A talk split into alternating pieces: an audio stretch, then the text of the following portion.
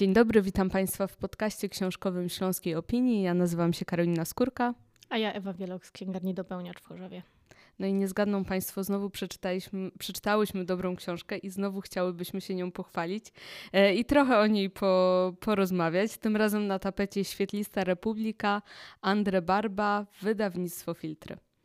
Książka jest e, w przykładzie Katarzyny Okrasko e, i okładkę do, piękną okładkę do tej książki zaprojektowała Marta Konarzewska.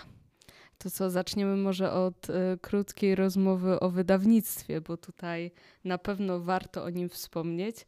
E, powiem Państwu, jak mnie przekonano y, w dopełniaczu w księgarni do przeczytania tej książki, a mianowicie czytaj filtry, bo możesz przeczytać wszystkie książki danego wydawnictwa.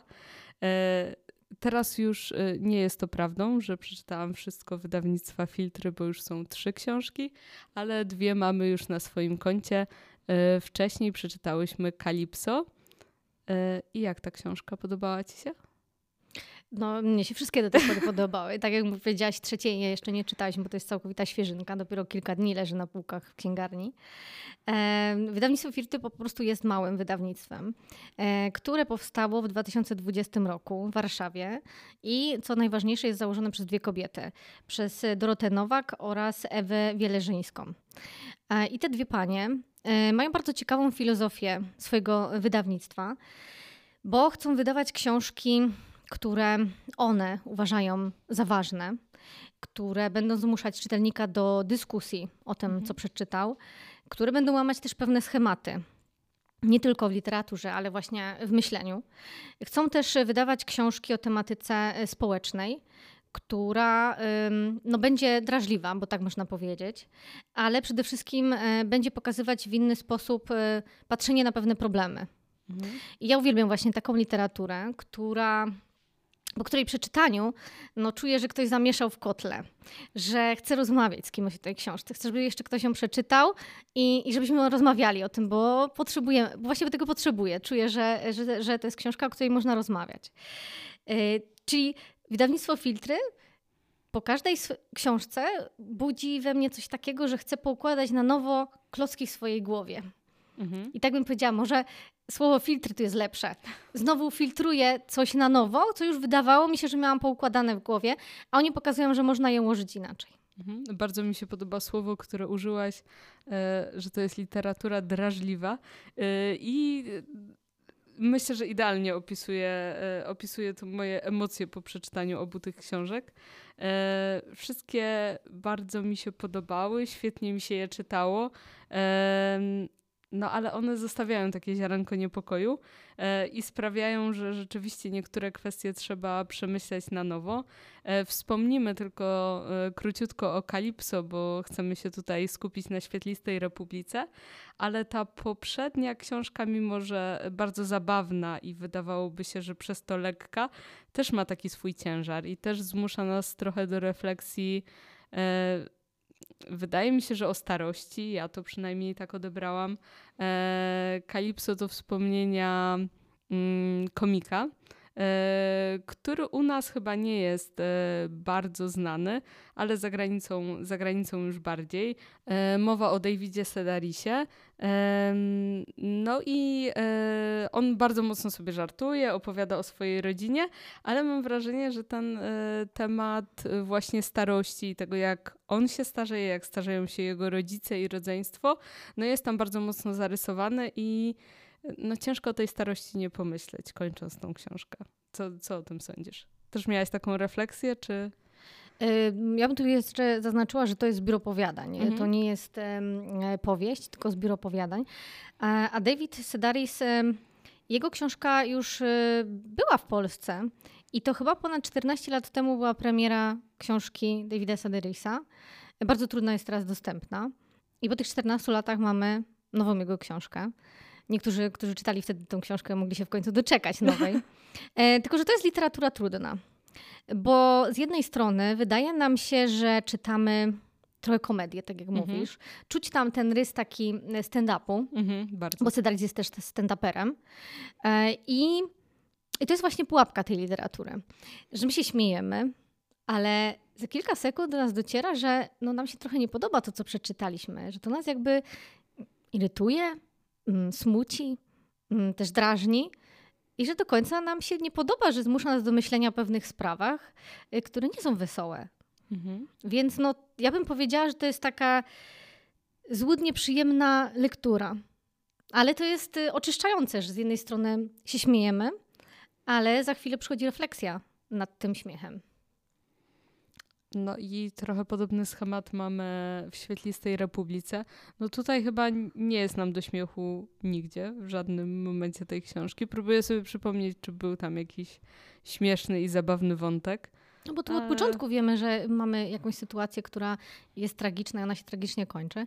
E, ale wspomnijmy jeszcze o tej trzeciej książce. Powiedzieliśmy, o, że tak. mamy trzy książki, e, czyli Świetlistą Republikę e, Andrea Barby, o której będziemy dzisiaj mówić.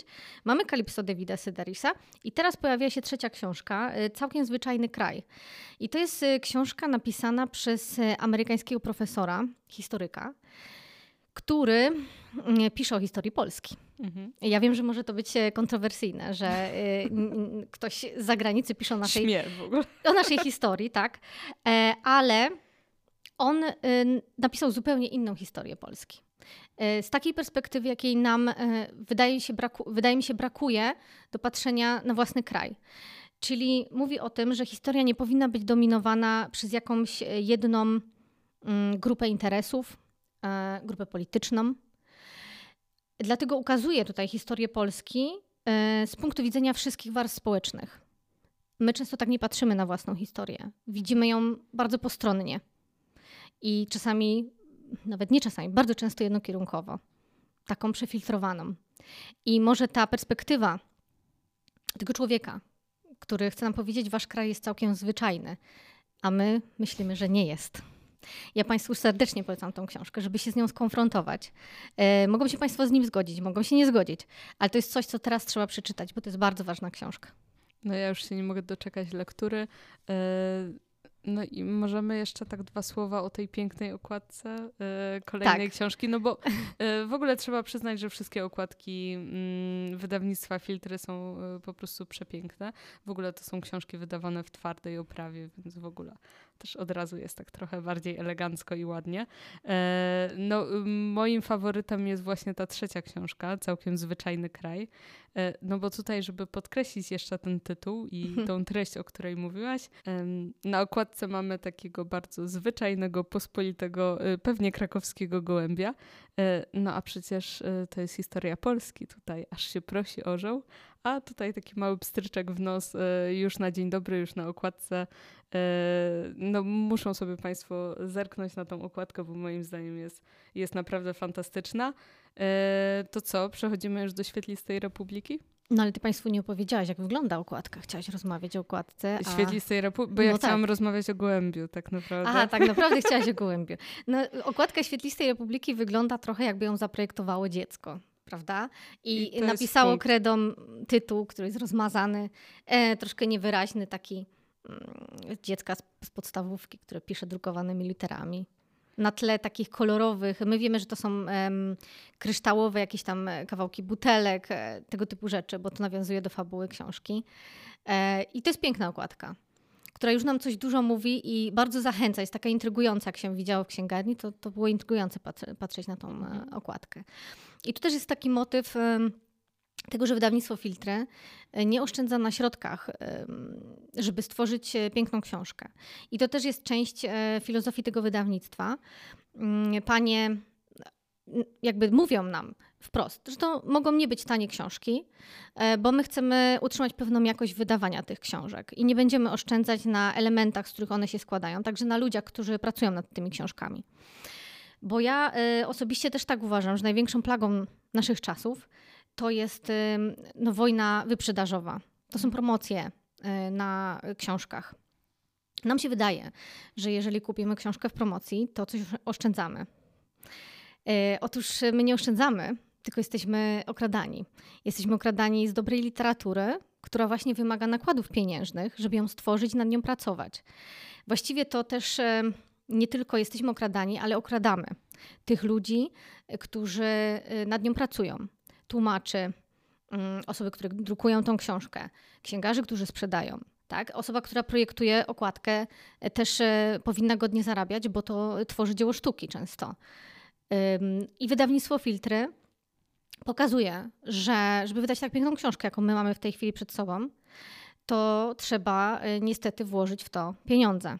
I trzeba to docenić, właśnie kupując tą książkę po cenie okładkowej.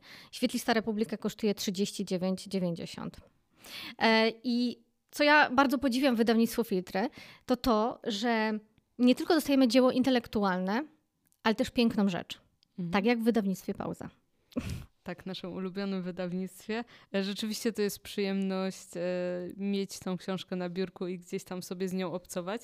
E, no, powiem ci, że ta twoja wypowiedź odnośnie promocji tak trochę mną poruszyła, bo nigdy tak nie myślałam o, o promocji wydawniczych, ale pewnie coś w tym jest i pewnie trochę y, też w duchu takiego świadomego kupowania. Tak, tak no, no teraz bardzo jest ważne.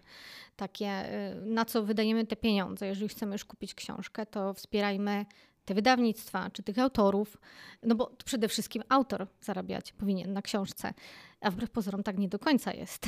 Mhm. sobie nie zdajemy sprawy i tak naprawdę do końca dostaje e, autor w Polsce ze swojej książki. Mhm. No nie wiem jak Państwo, ale ja czasem złapałam się na takim e, kupowaniu właśnie promocyjnym, no bo tu książka 10 zł, no to przecież można ich kupić i 5.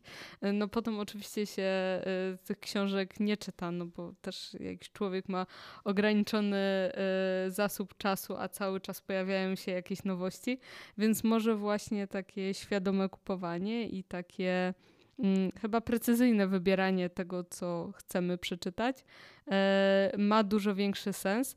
Na pewno ma sens, skoro na naszych półkach lądują takie piękne, e, piękne książki i takie ciekawe historie.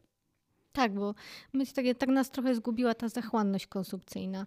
My nie jesteśmy w stanie przeczytać tyle książek, ile zazwyczaj kupujemy.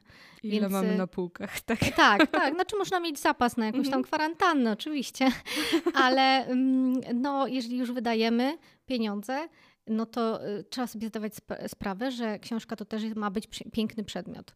Mhm. I tutaj na pewno mamy do czynienia z taką, e, z taką sytuacją.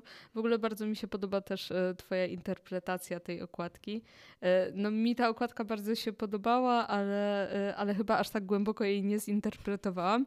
I to jest ciekawe, że rzeczywiście na tą okładkę można inaczej spojrzeć już po lekturze książki. No bo to kredowe, dziecinne pismo jest tutaj nie bez powodu. No, historia jest właściwie o dzieciach mhm. i o takich dzieciach, które pojawiają się nagle w miasteczku i nie wiadomo skąd się pojawiły, budzą niepokój wśród mieszkańców. No i e, bardzo szybko dochodzi mm, w fabule tej książki do tragedii z udziałem dzieci, e, do masakry w supermarkecie. No i to jest mhm. taki moment, do którego powoli on jest nam e, zapowiadany już, e, wydaje mi się, że od początku książki, i potem powoli, powoli zbliżamy się do tego kulminacyjnego punktu, a potem jest chyba jeszcze, jeszcze gorzej. E, tak, bo my na samym początku, również czytając z tyłu, o czym jest książka, dowiadujemy się, że te dzieci, że spotkaje tragedia. Mhm. Nie tylko będą uczestniczyć w tragedii, o której powiedziałaś, ale też same te dzieci spotka tragedia. Więc to nie jest puentą książki, mhm. Jaki los e, został tym dzieciom e, spisany, no, tylko jak do tego doszło. Mhm. Książka ma też specyficzną właśnie e, formułę. Jest napisana trochę jak taki fałszywy dokument. Mamy wrażenie, że czytamy mm, jakiś taki reportaż uczestniczący, czy dziennik bohatera, bo całość fabuły widzimy z perspektywy mężczyzny, który jest pracownikiem administracyjnym, socjalnym i po części właśnie powinien się zajmować też problematyką tych dzieci e, w miasteczku. Mhm. I e, całość przedstawiona jest e, z tej perspektywy dorosłego, który próbuje zrozumieć, co te dzieci robią, jak to się stało, że one w ogóle mieszkają w tej dżungli, no i dlaczego to się tak źle skończyło. Mhm. I stąd jakby całość tej książki właśnie spisana w formie jakiegoś takiego reportażu czy dziennika. I ta forma bardzo jest fajna, bo mam wrażenie jeszcze dodatkowo prawdziwości tej historii, mhm. że ona mhm. się musiała wydarzyć. No właśnie, w trakcie czytania tej książki pamiętam, że nawet przyszłam do ciebie i powiedziałam, że bardzo szkoda, że to nie jest prawdziwa historia, bo, bo czuje się ten taki klimat reportażu i aż by się mhm. chciało tutaj dojść do sedna i poznać całą tą historię.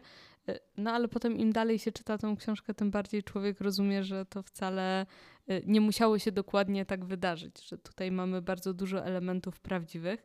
E, wspomniałaś też o tym, że główny bohater e, chce zrozumieć te dzieci i dlaczego one mm, zachowują się w taki, a nie inny sposób, a przede wszystkim dlaczego żyją samotnie gdzieś tam na obrzeżach miasta i, e, i trochę do tego miasta przenikają, bo to chyba byłoby najlepsze słowo. A ja z kolei miałam wrażenie, że on przez dużą część książki niekoniecznie stara się te dzieci zrozumieć, że one są dla niego jakimś problemem i to takim trochę urzędniczym problemem, bo przecież on został delegowany do właśnie takich spraw y, społecznych, e, czyli gdzieś tam jego zadaniem e, powinno być to, żeby w mieście wszystkim dobrze się żyło, oczywiście uogólniając tutaj bardzo. No a tutaj jest taki problem, z którym nie wiadomo, co zrobić. E, w książce jest nawet mowa o problemach wizerunkowych, tak? I problemach politycznych, które, e, które tutaj się pojawiają. No ale ostatecznie e, jakby chyba znajduje w sobie też nasz autor mm, nie wiem, takie człowieczeństwo, taką wrażliwość i rzeczywiście potem już y, próbuje, próbuje te dzieci zrozumieć. Czy też y, jakby tak widzisz taką zmianę w tym bohaterze, czy y, twoim zdaniem on od początku mm, miał takie dobre symptomy w swoim sercu i od początku chciał się tymi dziećmi zaopiekować? E, o, właśnie, to jest dobre pytanie, bo mm, żeby chcieć się zaopiekować, najpierw trzeba zauważyć problem. Mhm. E, a tutaj e, od początku tego problemu nie widać. Myślę, że to dlatego, że dorośli po pierwsze szybko zapominają, że kiedyś byli dziećmi i zapominają o tych potrzebach dzieci. Mm, ale z drugiej strony, w taki, bo trzeba zrozumieć też specyfikę tego miasteczka. To y, ludność w tym miasteczku składa się z rdzennych mieszkańców oraz z takiej białej klasy średniej. Mhm. Oni się tam mieszkają, y, mieszają i próbują stworzyć jakąś no, cywilizację, mhm. tak?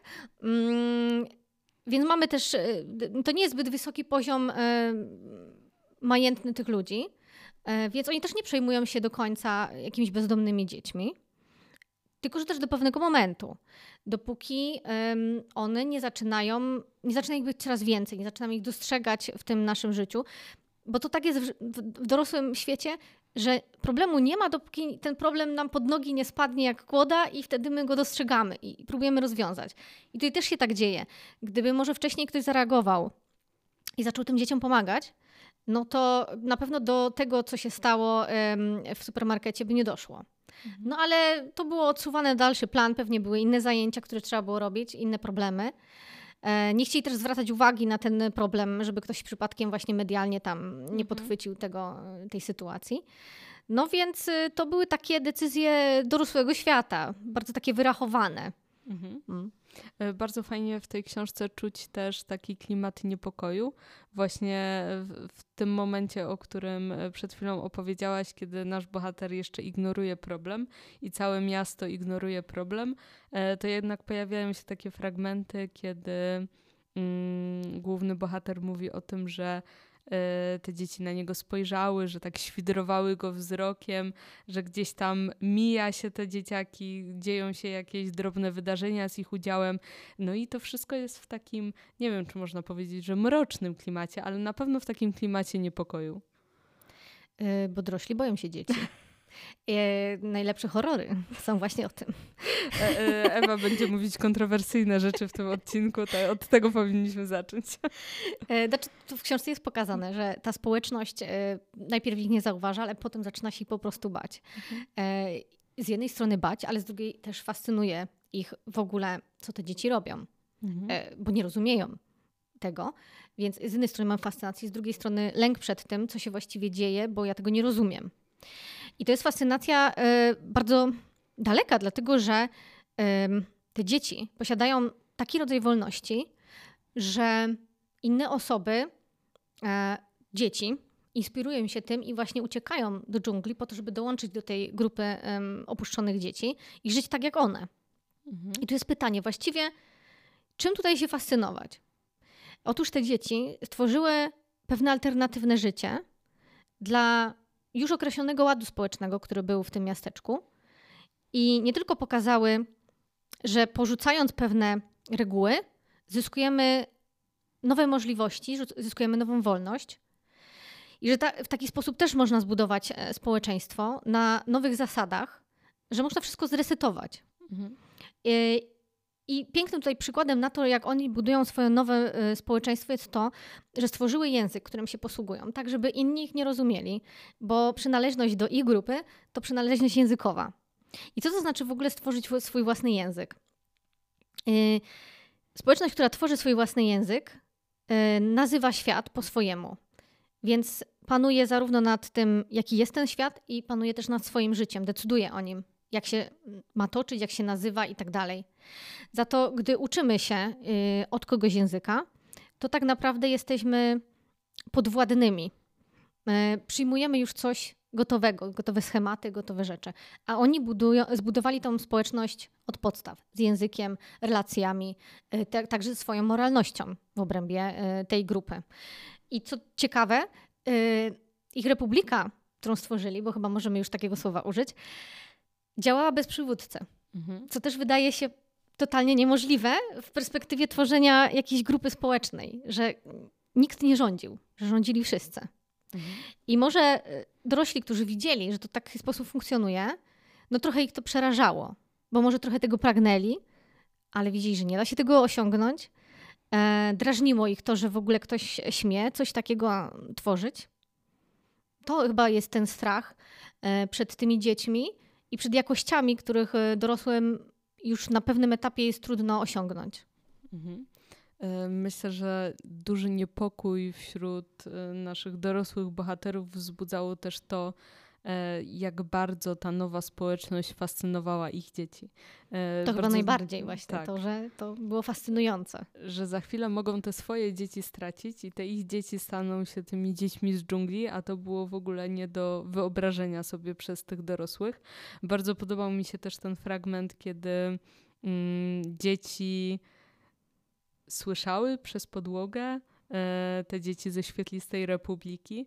E, tam potem oczywiście dowiadujemy się, dlaczego, dlaczego tak się działo i z czym to miało związek, e, ale to znowu budowało taki niepokój, takie napięcie i mm, taką atmosferę, że właśnie ci dorośli mogą stracić dzieci. W sensie nic złego im się nie stanie, ale po prostu staną się częścią jakiejś zupełnie innej społeczności. Powiedziałaś też o tym, że ta społeczność nie miała swoich liderów. I to widać e, też w tym naszym kulminacyjnym momencie podczas e, tego dramatycznego wydarzenia w supermarkecie. To nie jest tak, że tam zapanował chaos na skutek dramatycznych wydarzeń. To po prostu jest przykład tego, jak ta społeczność działała, czyli spontanicznie, bez lidera, mhm. bez jakiegoś ogólnie usta e, ustalonego planu. Myślę, że to jest fantazja autora, czy, czy jest coś na rzeczy? Czy gdyby nas tak puścić wolno, e, schować w dżungli i jeszcze bylibyśmy małymi dziećmi, to, to tak byśmy się poukładali? E, wiesz co, to jest powieść, e, która nie daje odpowiedzi. E, myślę, że nie, nie, nie jestem w stanie też odpowiedzieć na Twoje mhm. pytanie. I kiedy Państwo przeczytają tą książkę, to będzie wiele pytań. Mhm. Wiele pytań e, i wiele niezrozumienia. Bo ta książka jest właśnie o doświadczeniu niezrozumienia. Więc y, to oczywiste, że to, czego doświadczamy po lekturze, to ogrom pytań, na które próbujemy, ja osobiście próbowałam, sobie w głowie odnaleźć odpowiedzi. Czasem nawet sięgając do jakichś tekstów, źródeł, chciałabym coś zrozumieć, tak? Dlatego na przykład, um, jeżeli Państwo będą chcieli pójść i zrozumieć tą, jak buduje się moralność, czy kiedy ona powstaje na etapie naszego życia. Otóż chciałam polecić książkę y, Paula Bluma. To tylko dzieci. Taki jest tytuł. Narodziny dobra y, i zła. To jest książka z 2015 roku, więc może, może trochę nie, niedostępna teraz, ale pewnie jeszcze można gdzieś ją znaleźć. I to jest książka, mm, z której dowiemy się, w jaki sposób buduje się moralność. i że ona buduje się na tym etapie mm, bycia dzieckiem. I że dzieci to wcale nie są istoty y, niewinne i bezradne. E, więc jest tutaj dużo ciekawych eksperymentów, o których można poczytać i zobaczyć, e, w jaki sposób dzieci bez żadnej wcześniejszej wiedzy budują e, pojęcia moralne, które według autora mm, budują się w sposób naturalny, a potem dochodzą te elementy sztuczne, które my już się uczymy i wprowadzamy w naszą, w naszą etykę i moralność. Tak więc bo to jest książka, po której trzeba trochę poczytać, trochę zdobyć mhm. wiedzę, podyskutować z innymi ludźmi, bo sami chyba nie odnajdziemy odpowiedzi na te pytania, e, które się rodzą e, w trakcie lektury. Mhm. E, po tej książce na pewno będą Państwo zaniepokojeni i na pewno będziecie chcieli ki z kimś o tej książce porozmawiać i trochę to pragnienie mam wrażenie, że koi posłowie, bo to jest takie porządne posłowie, gdzie są też przykłady innych książek o tym, o tym za chwilę Ewa Państwu opowie. E, no ale też e, rozwijane są właśnie, właśnie te wątki i nie wiem, czy Państwo też tak mają, nie wiem, czy Ewa, Ty tak masz, że jak czytam dobrą książkę, to po prostu i, I, jeszcze ona ma dobre zakończenie, bo tutaj to zakończenie jest rzeczywiście ciekawe.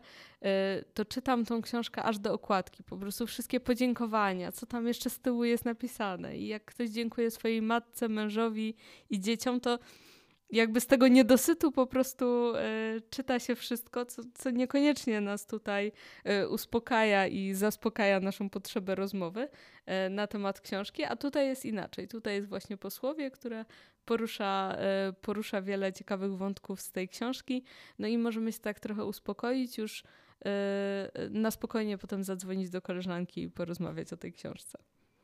To jest bardzo właśnie dobrze, że y, w książkach wydawnictwa Filtry jest coś takiego jak posłowie, bo myśmy zapomnieli, że takie coś powinno mhm. być w mhm. książkach, żeby właśnie trochę rozświetlić nam e, zagadkę literatury, którą przed chwilą przeczytaliśmy. E, może czasami też jest tak, że ktoś nie ma z kim porozmawiać o książkach, mhm. to to posłowie, tak jak powiedziałaś, na pewno zastąpi mu rodzaj takiego wejścia w dialog i też dużo, dużo mu wyjaśni. E, chociaż ja nie wiem, mnie to zmusiło znowu do, do, do myślenia. To posłowie było bardzo ciekawe. Posłowie napisał Piotr Paziński do tej e, książki. I poruszył tam ciekawy wątek, i ten jeden wątek chciałabym Państwu tutaj właśnie opowiedzieć. Przywołał on pojęcie Republiki Marzeń Bruno Schulza. Republika Marzeń to jest, pokrótce rzecz ujmując, to jest taka republika braterstwa, ludzi sztuki, którzy, mm, których, dla których siłą napędową jest to, że tworzą. E, wszystko tam jest piękne, ułożone. To jest oczywiście utopia. I z drugiej strony mamy świetlistą republikę, e, w której Barbas pokazuje, że dość podobna rzecz może się stworzyć z zupełnie innej perspektywy. Nie z ludzi wybranych, tylko z ludzi, z dzieci wykluczonych. Mhm. I to nie jest republika, której podstaw leży y, właśnie coś pięknego, jak sztuka, poezja i tak dalej, tylko leży bieda, wykluczenie, y, samotność, albo tu nawet można powiedzieć cierpienie, bo te dzieci najprawdopodobniej miały też y, przejścia, przez to właśnie wylądowały w dżungli. Mhm. Więc mamy dwie republiki, dwie, dwa utopijne światy, E, a jak wiemy, z utopijnymi e, ideami, no to one zawsze źle kończą. I tutaj też właśnie dlatego niestety świetlista republika nie przetrwała.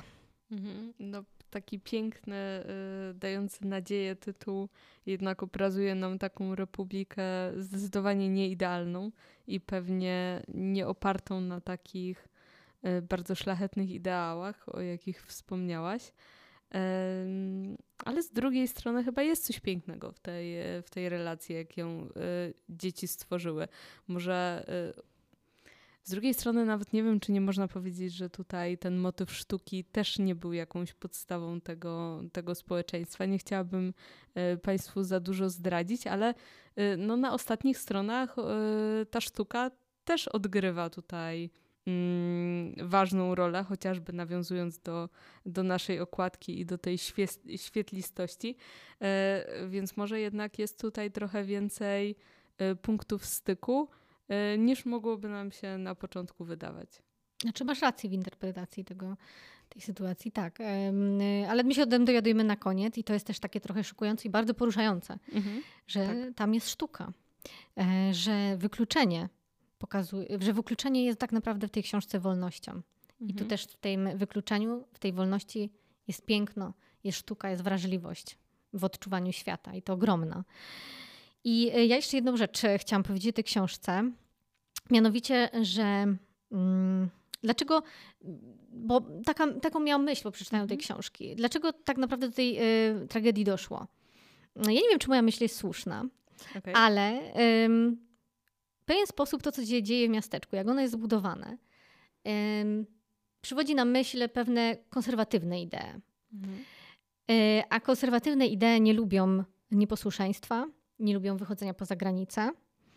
Mm, stąd e, jakby ten mechanizm e, potem tych, tej tragedii, który tutaj nastąpił. Myślę, że to właśnie jest książka też o zderzeniu konserwatyzmu, ładu społecznego z wolnością, mhm. dorosłości z byciem dzieckiem. Mm, no i to niestety jest zawsze takie tragiczne zderzenie. Mhm.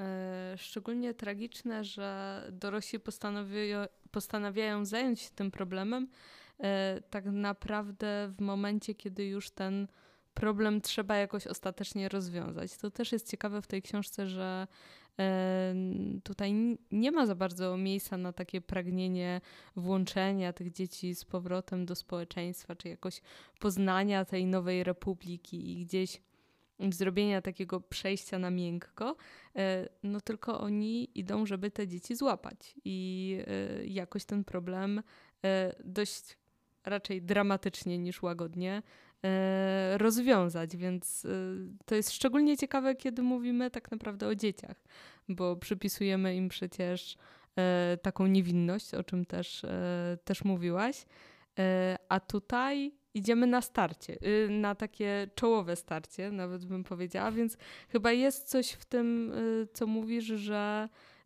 to społeczeństwo no, nie potrafi sobie poradzić z taką wolnością, jaką reprezentują te dzieci. No, musi. To wyrównać, przejechać walcem i, i poukładać po swojemu. No bo dzieci nie mają prawa do wolności. Mhm. E, to jest e, też myśl, która się rodzi podczas czytania tej książki. E, jakie, jakie prawa mają dzieci? Mhm. Czy mogą korzystać z tych praw tak, jak tutaj jest pokazane? Mhm. Czy mają prawo do takiej wolności, do takiego decydowania o sobie? To jest pytanie. No jeśli to nie jest niepokojąca książka, to nie, ja nie wiem, jaka książka Państwa bardziej zaniepokoiła, e, nas skłoniła bardzo do refleksji i czytałyśmy ją już jakiś czas temu, a dalej o niej rozmawiamy. E, to co, z czystym sercem polecamy. Oczywiście, że polecamy wszystkie książki e, z wydawnictwa Filtry, albo chociaż jedną. Niech Państwo się zapoznają, e, czym jest wydawnictwo Filtry. Może to będzie wydawnictwo dla Was. Mhm. A w związku z tym, że na rynku są tylko trzy książki, to dalej macie szansę przeczytać e, wszystkie książki danego wydawnictwa. My na pewno sięgniemy po całkiem zwyczajny kraj, czyli po tą książkę z gołębiem. E, no i mamy nadzieję, że znowu się nie zawiedziemy i opowiemy Państwu o kolejnej książce wydawnictwa Filtry. E, bardzo Ci dziękuję za rozmowę. Ja również dziękuję Ci za rozmowę. No i do usłyszenia w kolejnym podcaście książkowym Śląskiej Opinii. Do usłyszenia.